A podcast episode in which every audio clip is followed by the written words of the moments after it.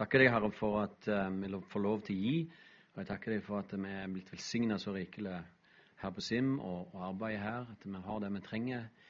Eh, takket være at mange er med og har et hjerte for dette. Og eh, vi ber om at du velsigner arbeidet og pengene som kommer inn nå. Eh, la det bli til framgang for ditt rike i Sogndal, Herre. Det er det vi ønsker. Så jeg har lyst til å be for Nils og det han skal dele med oss. Eh, ber jeg om at det blir ditt ord og dine tanker og ditt ønske for oss som vi får del i. Og vi ber om nåde til å klare å ta inn i vårt hjerte vårt sinn det som blir delt med oss nå i ditt navn. Supert.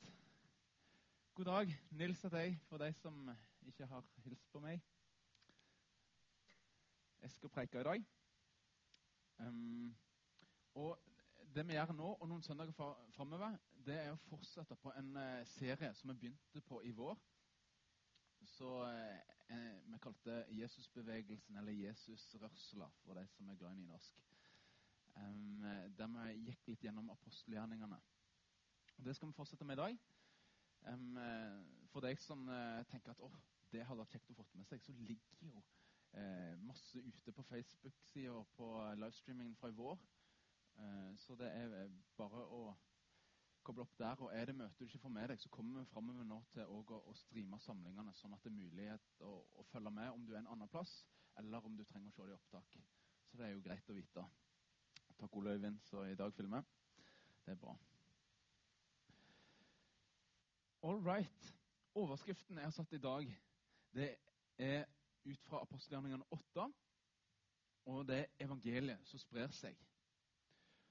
Liten sånn kjapp eh, fram til nå for dere som eh, det var et stund siden sist eller ikke helt har fått med seg. Men apostelgjerningene det handler egentlig ikke om noe helt nytt, men en fortsettelse på noe som har skjedd.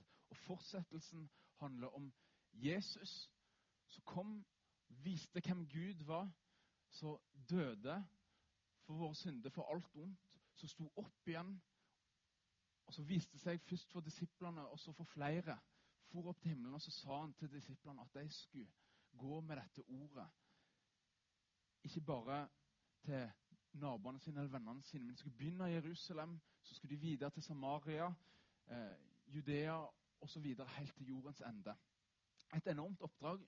Og så sa han, men vent her i Jerusalem, for jeg skal sende en kraft som skal komme over dere.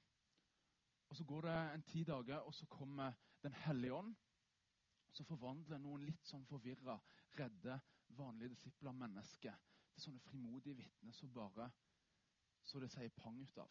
Og så er det fantastisk for oss å få følge den historien. For se hva som skjer med vanlige mennesker som Gud tar bolig i. Um, og jeg syns det har vært fascinerende å dukke i det og lese i det sånt.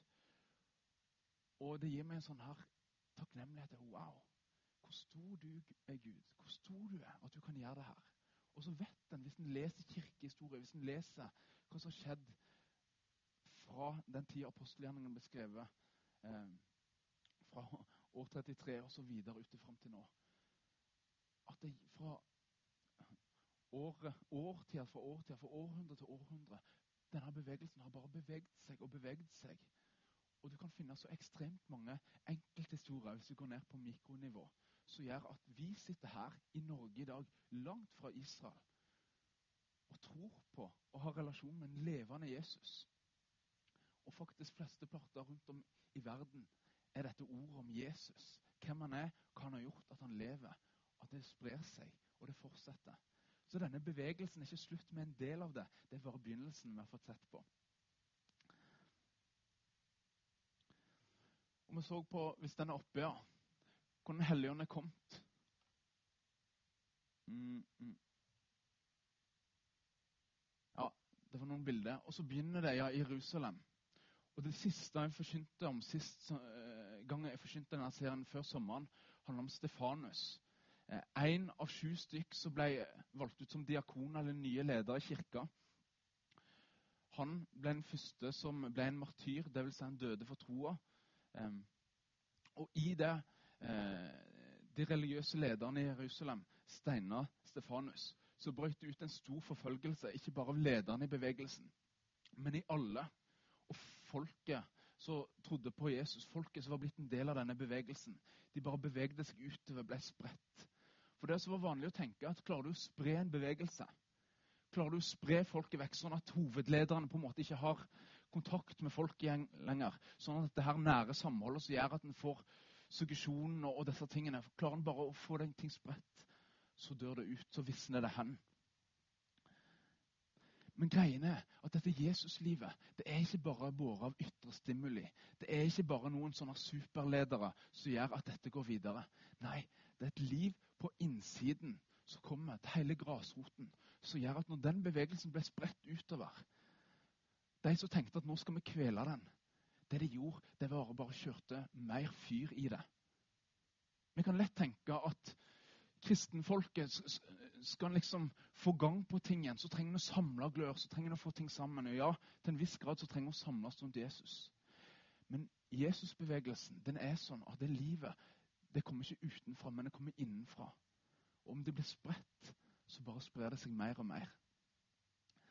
Og Det er på en måte en sånn lengsel jeg har òg her. Hva om vi kunne sette en ny bevegelse ut fra Sogndal her? ut fra småfellesskapene, ut fra fellesskapet vårt. Så ikke er sånn at bare vi er mange nok samla, så blir det god Jesus-begeistring. Mens når vi sprer seg litt, så blir det til noe lukka, noe bare for oss sjøl. Men at der vi spres ut, i studiehverdag, på jobb, i vennekretser, i familier, der vi er, så er det noe som bobler, som kommer ut på en måte som er, som er passer din personlighet og din historie og alt sånt. Du skal ikke bli noen annen enn den du er, men allikevel, det bobler fram på et vis som gjør at det å bli spredt, det være rundt forbi Det er ikke ting ned, men det bare går ting videre. Og på den måten så er bevegelsen Skal vi se Det var ikke alltid den her pekeren Sprer den seg utover. Ja. Det var kålbildet. På den måten så er ikke det å være en kristen og Jesusbevegelsen først og fremst dette kålbildet av at når ting samles, da blir det varmt og godt. Når ting spres, da dør det ut. Men det er egentlig litt mer sånn som så dette bildet. Oskar han sier, lille, minsten min på tre år, han sier 'Pass deg for korona'. Han har øyre over hele hodet. han har lært seg at korona det er farlig. OK. Korona er noe farlig. Jesus er ikke farlig. Bildet henger ikke sammen på den måten. Men det er litt interessant med korona. da. Jeg hadde ikke så mye peiling på pandemier og sånt før korona oppsto og ble ei greie. Men korona, bare det begynner å komme litt smitte, noen berørte en plass, så begynner en å bli livredde på den plassen og langt utover, fordi at en vet hvor smittsomt det er. Et gjennomsnittsmenneske sies at sprer korona til 2,6 personer rundt seg. Sånn så Det betyr at får du først korona en plass, og en ikke klarer å holde distanse mellom folk langt nok ifra hverandre, men at det kan være litt, en kan være tett nok på folk, så er det bare en bevegelse som brer seg utover eksponentielt. Og det tar ikke mange ledd før det plutselig har vært fra en liten gruppe. Er bare en hel haug av mennesker. Det er ukontrollerbart. Det er bare full gass. Og sånn tror jeg Når Jesus snakker om det her ordet som faller eh, faller i jorda, og, og, noe tar spurvene, og noe faller i grunnjord, så, så det blir ikke noe av det, men noe faller i god jord. og det blir 30, 60, 100 fold. Altså, det som såddes, det ble til så veldig mye mer. Litt sånn tror jeg når Jesusbevegelsen fungerer sånn han var meint til, så er det sånn det skjer. Det sprer seg videre. Det er også en fun fact med korona. at Etter hvert så oppdaga han noe han kalte superspredere. Det var bl.a. litt sånn oppmerksomhet rundt en engelsk mann da, som hadde i fire land smitta elleve forskjellige personer. Superspreder. Det er jo krise med korona. Og så var det ei koreansk dame som myndighetene påsto hadde smitta 37 stykk. Bare hun. Og så er det liksom forsker for tidligere pandemier eller smitteutbrudd og ser at ja, det fins faktisk noen sånne superspredere som fort kan smitte 50-60 stykk, bare den. Og Det er det vi egentlig skal inn og se på i apostelens gjerninger. Når ting blir spredt, så istedenfor å bare gi, bruke masse tid på å snakke overordnet om alt, så gjør Lukas det en smart historieforteller gjør, som alltid ser i filmer og serier. Han zoomer inn på én person eller på ett tilfelle, og så blir det kanskje både et eksempel på ting som skjedde, men kanskje òg et kroneksempel på, på hva skjer da. Og så zoomer man inn på Philip. Og Her er supersprederen på covid-19. Philip han var en superspreder av evangeliet. Han hadde fått en brann på innsida. Han var en av de diakonene, de lederne som blitt valgt ut, som hadde godt ord på seg i folket, som fullt av ånd og visdom. Og, og filmingen zoomer egentlig inn på Philip. da. Hva er det som skjer med han?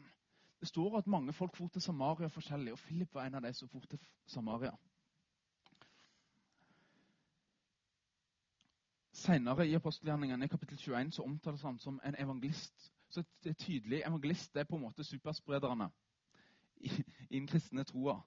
Eh, og det er ikke sånn at den kristne troa er superspredende eh, sprer evangeliet, og resten sitter på himmelbussen og gleder oss til Jesus kommer igjen. Nei, vi er alle vitner. Koronapandemien så 2,6 personer smittes av den jevne folk. Men så er det noen da, som bare er superspredere, og Philip er en av disse. Premisset er jo egentlig bare å være nærkontakt nok til at smitten kan overføres. Og Det er krise på korona, og det er ikke så forskjell på, på evangeliet på den kristne tro. Det handler om å være nær nok på livet til at folk kan se at det Jesus-greiene det er ikke bare noe du plapper om. Det er ekte. Det er noe som lever i deg. Det er noe du ser at wow, det her er faktisk noe en person er overbevist om. Det er noe troverdig. Det er noe faktisk liv som gjør at det brer seg videre. For de som har eh, Bibel, så kan de slå opp i apostelgjerningene 8. Jeg kommer ikke til å lese alt, men kommer til å fortelle litt underveis. Og det, det vi ser, det er først en beskrivelse. Jeg kan begynne å lese de første eh, versene. Her står det at samme dag som han Stefanus ble steina, så brøt det løs en kraftig forfølgelse med menigheten i Jerusalem alle, unntatt apostlene, ble spredt omkring i Judea og Samaria. Noen fromme menn begravde Stefanus og holdt en stor dødsklage over ham. Antageligvis så var det så heftig og så umiddelbart at ingen av de kristne fellesskapet fikk begrave Stefanus. Så det var antageligvis noen som egentlig ikke var del av den kristne bevegelsen, men som allikevel hadde en slags respekt. Kanskje det var noen av de som hadde stor respekt for folket, men allikevel holdt seg litt unna, da, som begravde han mens resten for rundt. Men Saulus, han vi senere skal kjenne som Paulus, for hardt fram mot menigheten og leder an i forfølgelsen. Han trengte seg inn i hjemmene og slepte ut både menn og kvinner og fikk dem kastet i fengsel. Men de som var spredt omkring, de gjemte seg ikke for livredde, men de dro rundt og forkynte ordet. Det, liksom, det var det som var greien. De som var spredt omkring, dro omkring og forkynte ordet. Og Philip kom til han. Kom ned til hovedstaden i Samaria, der han forkynte Kristus. Nede i Samaria der, så var det en annen kar som het Simon. Magikeren Simon kalte den, så de trodde det var noe stort. Han har masse tegn og forskjellige greier. Og det står at folket der var overveldet av Simon. Var sånn, wow, det var noe spektakulært med Simon.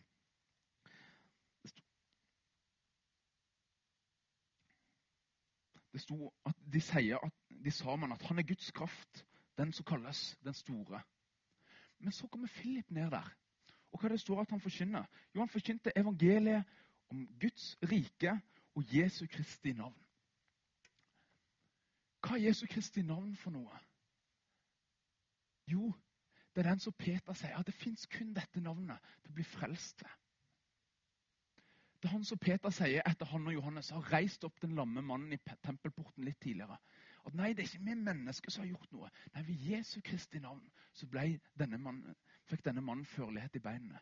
Jesu Kristi navn er kraft til frelse, både her og nå og for evighet. Jesu Kristi navn er den som onde ånder må reise fra, er den som til og med sykdom, lamhet osv. må gi tapt imot. Jesu Kristi navn er det frelse i. Og så sier han kanskje det er evangeliet om Guds rike. Det er, det er en stor greie, men på en måte er det litt som et saniteringsobjekt, et falleferdig hus. Så en eier som ikke har tenkt å gjøre noe med, står der ingen kan bruke. Det er nytteløst. Og så kommer noen og så oppretter han det, og så gjenoppbygger han og så gjør han det huset til det det var ment til. På en eller annen måte er det litt som et eller annet folk, eh, en nasjon som bare er helt eh, i grus. Ta noen av landene i Midtøsten der det har vært mye konflikt. Syria, Afghanistan. Der det er maktinteresse og Folk i kues. En ser ikke noe framtid, en ser ikke noe håp.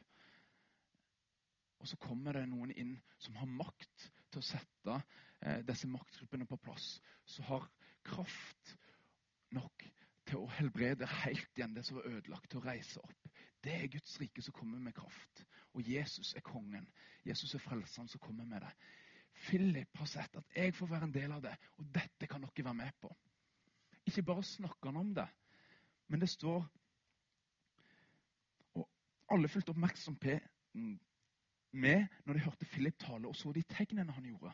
For mange hadde urene ånder som for ut av dem med høye skrik. Og mange lamme og halte ble helbredet. Og Det ble stor glede der i byen. Philip gjorde akkurat det samme som Jesus. Han hadde fått den ånden som var over Jesus. Han hadde tatt på alvor det oppdraget der han sier gå ut til all verden og forkynn evangeliet, og disse tegnene skal fylle dere. Videre. Han gjorde det her. Og resultatet av at han forkynte ordet, at han drev ut under at han helbreda, var at det ble stor glede i byen. Simon magikeren overvelda. Det ble overveldet. Det var fantastisk, spektakulært. Det Philip kom med, var noe annet som brakte stor glede. For folket ble satt i frihet. De som var i mørket, fikk se et stort lys. Det brakte stor glede. Innenfor kristen tro så fins det alltid en kime til noen som vil overvelde, noen som vil fascinere, bare noe voldsomt, og så blir det menneskelig greie. Et sikkert kjennetegn på at det er Gud som er på ferde, men det er sånne evangeliet som forkynnes. Dette blir en stor glede. En Gud som viser omsorg for sitt folk, som frelser, som gjenoppretter.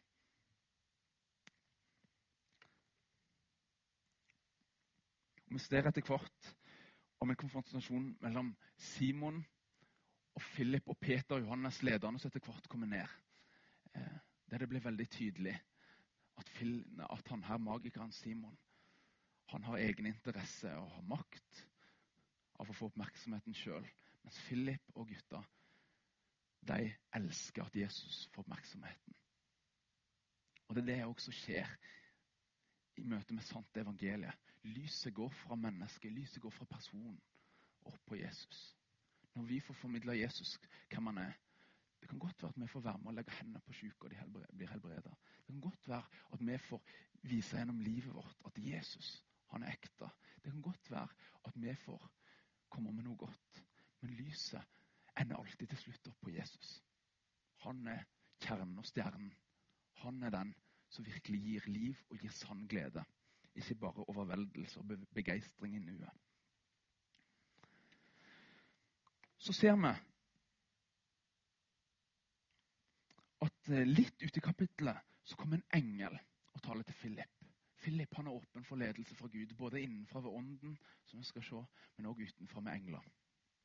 En engel fra Herren talte til Philip og sa, 'Jeg er klar å dra sørover på veien fra Jerusalem til Gaza.' Og Philip han er lydhør, så han begynner å gå ut i ørken på en eller annen vei. Han vet ikke hva som kommer, men han har lært seg at Gud har bedre kontroll enn han. Om det er ånden som taler innenfra, eller om det er engelen som taler utenfra, så han lærte seg. Da lytter jeg. Og han går utover. Og det han møter på da, det er en søker. Den som leter etter Gud. Den som lengter etter det Jesus har å tilby, men som ikke finner helt fram. Det er en etiopisk hoffmann som har vært i Jerusalem og tilbe. En som har sett den jødiske religionen utenfra. Og så kommer han, så han har fått med seg en pergamentrull der han leser i Jesaja. Og når Philip kommer der og ser han, og sier ånden til han, gå opp til vogna og bare hold deg der. Og Philip hører at han her driver og leser. Så han, gjenkjenner vi en gang. Å, nå gjenkjenner jeg hva Gud har tenkt. Og Sånn er det når vi lever i lag med Jesus. Når vi er sammen med Gud, så hender det vi kommer i situasjoner hvor vi gjenkjenner at oi, her er det et eller annet Gud har tenkt. Her kan jeg få være med på noe. Og Philip spør forstår du det du leser.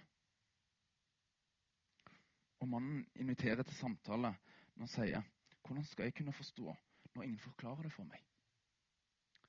Kjempeinvitasjon. Høstspråket som taler, en søker så åpen.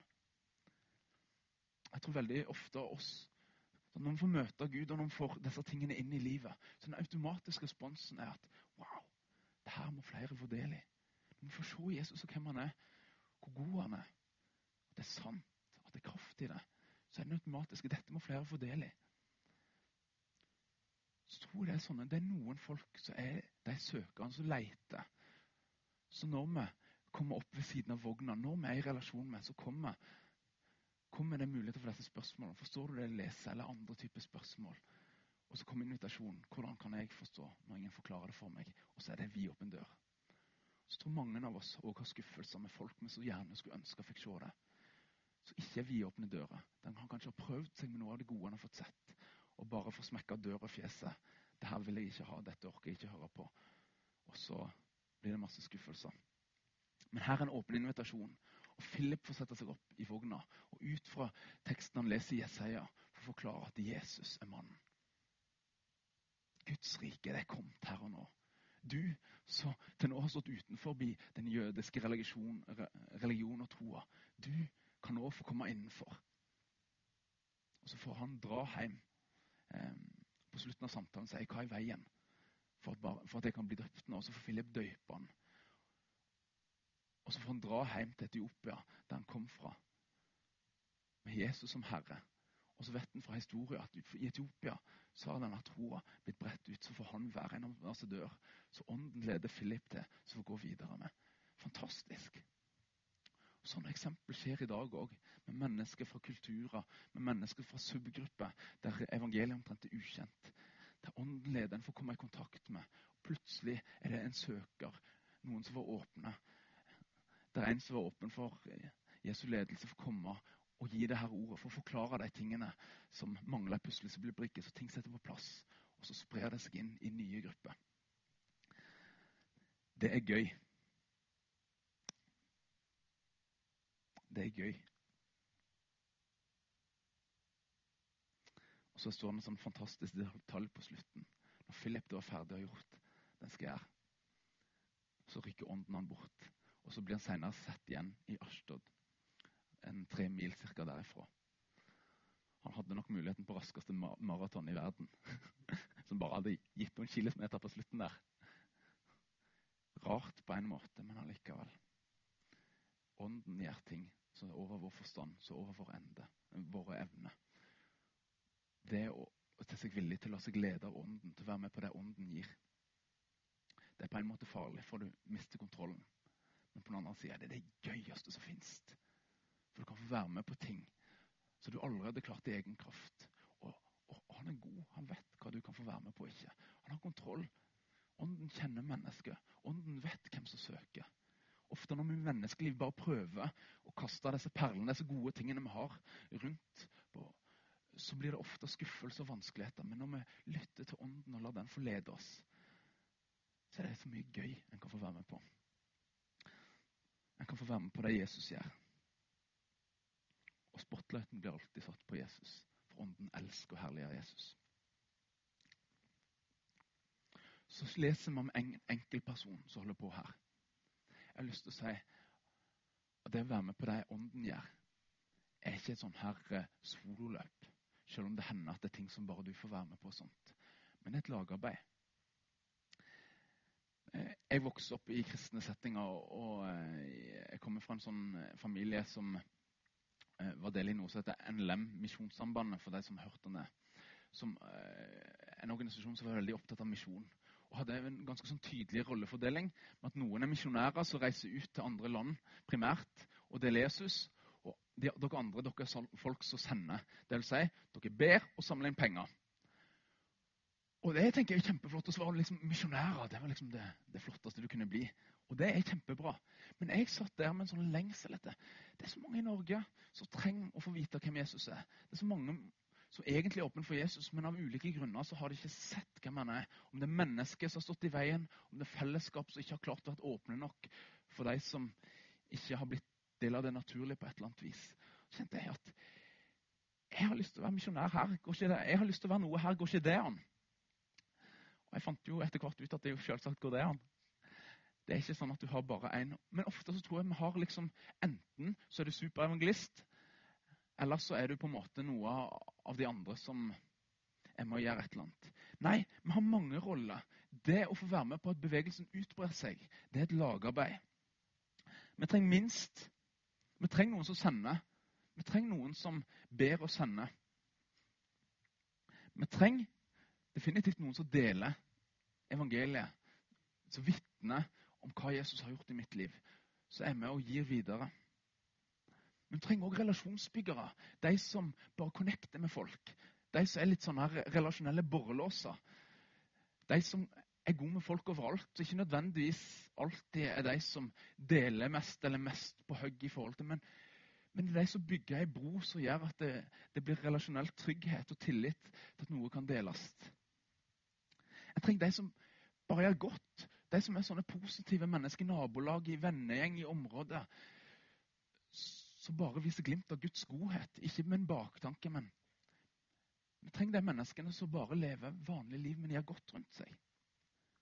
Vi trenger de som tar vare på folk som har kommet inn i fellesskapet og viser mer av hvem Jesus er. Vi trenger mange forskjellige roller. Det er et lagarbeid.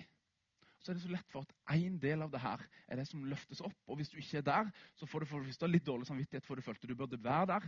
Og for det andre så føler du at det ikke er helt bruk for deg og hvordan du er skrudd sammen. Nei, jeg trenger masse forskjellig. Kjenn. Spør Jesus. Spør mennesker som kjenner deg rundt. Hvordan kan jeg få være med i dette bevegelsesoppdraget med å gi videre? Hva, hva ser du at jeg har? Hva rolle kan jeg få spille? Og så det, har det aldri vært meint at det skal være en sånn samvittighetsgreie. Det har aldri vært meint at det skal være en, som en tung bør som dreper gleden istedenfor å gi energi til gleden. Hvis det å være med videre i bevegelsen en sånn tanke som bare trykker deg ned, så dropp det. Vær heller i lag med Jesus. Vær heller i lag med folk som tror på ham. Si at akkurat nå så er det sånn. Vi trenger ikke fullt av dårlig samvittighetsfolk som går rundt og snakker om Jesus av dårlig samvittighet. Ikke fordi at ånden leder. Vi trenger å komme til en punkt med Jesus der det ikke kommer innenfra fordi at noen har trykt en dårlig samvittighet utenfra. Vi trenger å komme til et punkt der det bobler innenfra. Og Hvis det ikke bobler innenfra, så handler det stort sett om at en har urealistiske forventninger til hva en sjøl skal være, eller at en har mista litt syn av hvem Jesus er. Ja, Så der har vi den. Det siste jeg vil si nå, før jeg runder av, det har jeg lyst til å snakke om noe av denne evangelistiske spiralen i Jesusbevegelsen. Den er sånn som det her. Det begynner med en åpenbaring. Philip fikk åpenbart Jesus på en sånn måte han ga livet sitt til Jesus. Jeg kjente på det lovsangstående. Det var så fantastisk bra litt i sangene vi sang. Vi sang først om Jesus som kongen, så den som har dødd for oss, stått opp for oss. Den som Herre. Ja, du er en god Herre, så jeg vil følge. Så sang vi om fordi du har elska meg først, så vil jeg elske Jesus med alt jeg har. Det var liksom noen av disse greiene som tenker det her tror jeg var ting som levde i innsida på Philip. All my life you have been faithful. Han har gitt seg til en god frelser, til en god herre, der han ser at dette var ikke fortjent. her får jeg mer enn jeg noen gang kunne håpet på. Og så bobler det. Han får en åpenbaring av hvem Jesus er. Og Det gir en overbevisning om at dette er sant. Dette er ikke bare noen sånn voldsom følelsesmessig opplevelse som gjør at det går for deg. Men han ser at dette er sant. Det var historisk at Jesus døde oppstått. Jeg tror at det er sant at han oppsto. Vi lurte lenge på hva guder, hva er det egentlig så sant om virkeligheten. Hva Gud er det som virkelig er den sanne? Sånn, det var jo litt sånn Hver folk hadde sin gud på den tida. Men med Jesu død oppstandelse så viste han at jo, den som var den jødiske guden Det var ikke bare den jødiske guden. Han var Gud over alle ting. Jesus som kom som var Guds bilde, som viste hvem han var, var ikke bare en jødisk eh, profet eller et eller annet. Nei, han viste seg å være verdens frelser og herre. Den eneste som kom seg gjennom døden og overlevde. Han sto opp igjen og har tilintetgjort døden. Paulus sier det senere i apostelgjerningene. At det er på en måte den store greien. Nei, lenge så har kanskje vært ukjent hvem som er Gud, og sånt. men nå har Gud åpenbart seg sjøl ved å reise en mann opp fra døden. Det har aldri skjedd før, men nå har det skjedd. Det er sant, det er historisk. Den vi kan tro på. Og ikke bare at det er sant, nei, han har kjent kraften. Kraften av Jesu oppstandelse lever på innsiden av oss, og Philip har kjent kreftene på det. Og han har en overbevisning, han har en glede som bobler, som gjør at det naturlige er å dele videre. Det naturlige er at det bobler videre. Og hva skjer den videre strømmen? Jo, det skjer til det nye som får del det. Og så skjer det en ny åpenbaring, en ny overbevisning, en ny glede. Og så blir det en spiral som bare går rundt uansett hvor en er. Det er sånn bevegelsen var meint å være. Og når den ikke blir sånn, så tror jeg det er to ting som kan ha skjedd. Spiralen stopper opp. Jeg kjenner det i mitt liv. Jeg tror det Som kristenhet i vårt samfunn så ser vi at noe stopper opp. Noe fungerer ikke. Sånn som når du leser Bibelen, at ting var meint at det skulle fungere. Og Jeg tenker det at å, jeg skulle så gjerne vært med Philip noen dager. Jeg skulle så gjerne bare koble på Philip i noen uker, så jeg bare får feelingene. Hvordan er ting når det er som det skal være? Hva er det du har som bobler på innsida som jeg skulle hatt mer av? Hvordan lever du hverdagen din på en sånn måte at det her bobler videre, og ikke blir med bare meg og mitt? Eh, og jeg tror egentlig at vi i Norge så ofte lever en plass der denne spiralen har stoppa litt opp. Trenger å finne hvor det er mennesker, eller hvor er plassene der de av en eller annen grunn har catcha litt mer av den bevegelsen. Det er litt mer av den evangelistiske spiralen fungerer. Det er litt mer av den bevegelsen som er meint å være fungerer. Og så trenger vi kjenne litt på det. Vi skal ikke reise så mye nå når det er korona, men når det er ferdig, da koble på. Det er noe som er meningen, som jeg tror ofte vi ikke har helt kobling med. Og Jeg tror det er én av to ting som har skjedd. Det første kan være mottakelse i omgivelsene. Vi har fått noe som bobler på innsida, så begynner vi å gi det videre. Og så trodde vi at det skulle bli noe fint og positivt. Men så blir folk fornærma så blir han skuffa. Så blir han kanskje litt sånn hissig tilbake. At du kan holde ditt for deg sjøl, så er mitt for meg sjøl. Så er det ting som gjør at jeg vil jo bare komme med noe godt, og så får jeg noe kjipt i retur. Og så stopper det opp litt. En, en finner ikke helt ut av det. Hvordan kan noe av det jeg har fått på innsida, gå over broa til den andre og bli til noe godt for den andre? Og så finner en ikke helt vei i det, og så blir en mismodig, så blir en skuffa. Og så, så forsvinner det litt. Og Det andre jeg tror skjer, kanskje i etterkant av det her, en litt sånn falma åpenbaring. Åpenbaring av Jesus er ferskvare. Det er derfor vi samles rundt ham. Det er derfor vi forkynner evangeliet om og om igjen. Ikke fordi at jeg ikke trodde du visste det, men fordi at det er kraft i det. Når det deles, så erfarer vi det igjen. Så ser vi det på nytt med våre indre øyne. Det er ferskvare. Åpenbaring der det bare blir litt med meg og mitt. Eller jeg så det en gang, men nå har det kommet litt på avstand. Det faller med hen. Jesus blir ikke mindre virkelig. Men allikevel vår åpenbaring av han. Evangeliet det er en en, på en, måte, en åpen hemmelighet. Det er åpent og samtidig noe som er skjult. som Helligånd stadig må vise oss på ny for å holde en frisk åpenbaring i. Sånn at Når åpenbaringen falmer, hva skjer da? Jo, det bobler ikke videre så lett. Når åpenbaringen falmer, så blir plutselig ikke Jesus kjerne og stjerne i livet. Når åpenbaringen falmer, så er det fort gjort at det bare blir en del av dette livet. Og Da er det ikke rart at deling av det her blir vanskelig når det ikke lenger er noe som er, sitter og gir bånddriv, men, men, bare noe som er ute der. Og så kan du liksom dele til andre noe som skulle liksom være den store greia i livet. Da må en fake, da. Så er Jesus den store, fantastiske. Ja, livet mitt er ikke der, og jeg lever ikke med han sånn, men han er det store, fantastiske.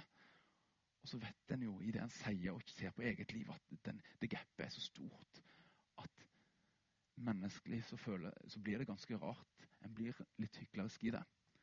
Det betyr ikke at en ikke kan dele Jesus, selv om en eh, kanskje ikke lever med han som en skulle ønske at en gjorde. Selvsagt kan en det. Men når åpenbaringen falmer, så, så det her deler videre litt òg.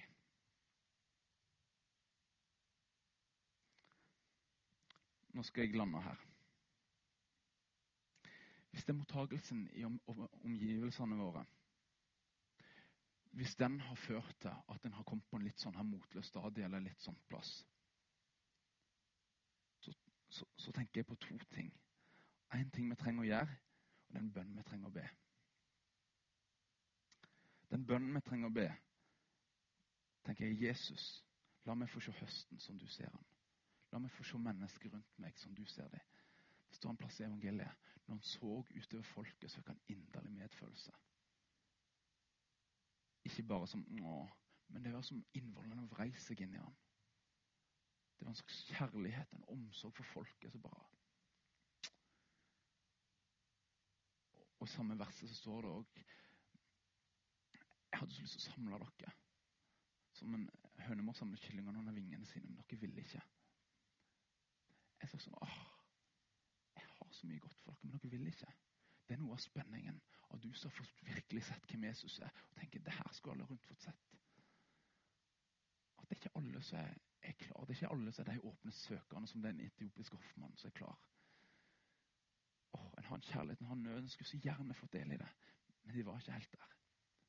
Når vi ber Jesus, la meg få se høsten som du ser han, så er bønnen ikke gjør alle mennesker rundt meg til et evangeliseringsobjekt. Det er ikke bra å objektivisere mennesket. Men la meg få se mennesket. Led meg til de som er litt sånn søkende. Led meg til de som er litt sånn som den etiopiske hoffmannen. Som er klar.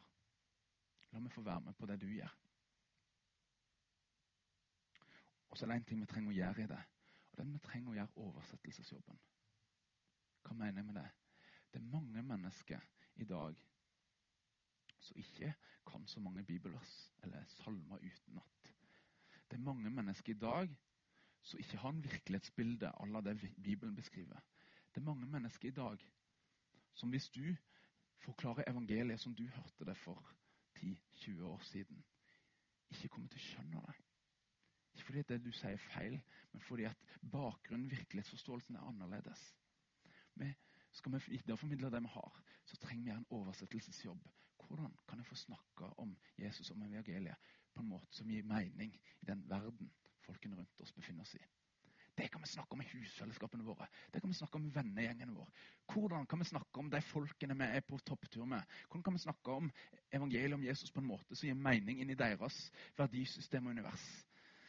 For de vi sitter på fisketur med, eller kafé med, eller sanke sauer med, eller hva nå enn vi holder på med. Inni deg, Hvordan kan vi snakke om dette på en måte som gir litt mening? da? Der trenger vi hjelp av hverandre. Og jeg tror at i det den bevegelsen ruller mer, i den noen ferske som får vite hvem Jesus er, får en åpenbaring som begynner å tro, så lever midt i det universet, så skjer det mye enklere. Og det andre, Hvis det er åpenbaringen som falmer hos oss, vi ser Jesus på en sånn måte at det, gleden er der, at det bobler fra innsett. Det er noe som automatisk lekker ut. Jo, så tror jeg òg det er to ting vi trenger å gjøre. Bønnen vi trenger å be, er Gud, la oss få se det Philip ser. Jesus, vis meg deg sånn som Philip så deg. La meg få se riket ditt, ditt rike, og forstå hva jeg får være en del av. På en sånn måte Philip forsto. Trenger å se det på nytt. Og så tror jeg det er noe vi trenger å gjøre, og det er å gi oss sjøl tid og rom til å dukke og til å søke. Samlinger her, i smågrupper, i, i samtaler med andre kristne. Vi trenger å gi oss sjøl tid og rom. Gud er den som gir åpenbaring, men vi trenger å komme på en plass der nå er jeg klar. Nå er jeg ikke distraktert av eh, mobiltelefonen min eller alle oppgavene. Eller sånt. Nå, nå er jeg her. Nå er jeg klar. Og så han trofast. Han elsker å åpenbare seg sjøl. Han er ikke langt vekke fra noen av oss. Ånden leder Philip, og han lar seg lede. Hvordan vil Ånden lyse på Jesus i settingene du er? Det er min utfordring til meg og deg i dag. Hvordan vil Ånden lyse på Jesus, både for meg sjøl, men på deg rundt meg? Ikke som en dårlig samvittighet-greie, men som jeg har lyst til å være med på det. Jeg ber en bønn, og så kan dere så eh, lovsangsteamet komme opp og spille. Dere kan egentlig bare komme opp med en gang. Og så avslutter vi livestreamingen for de som eh, er med på det etter første sangen her nå.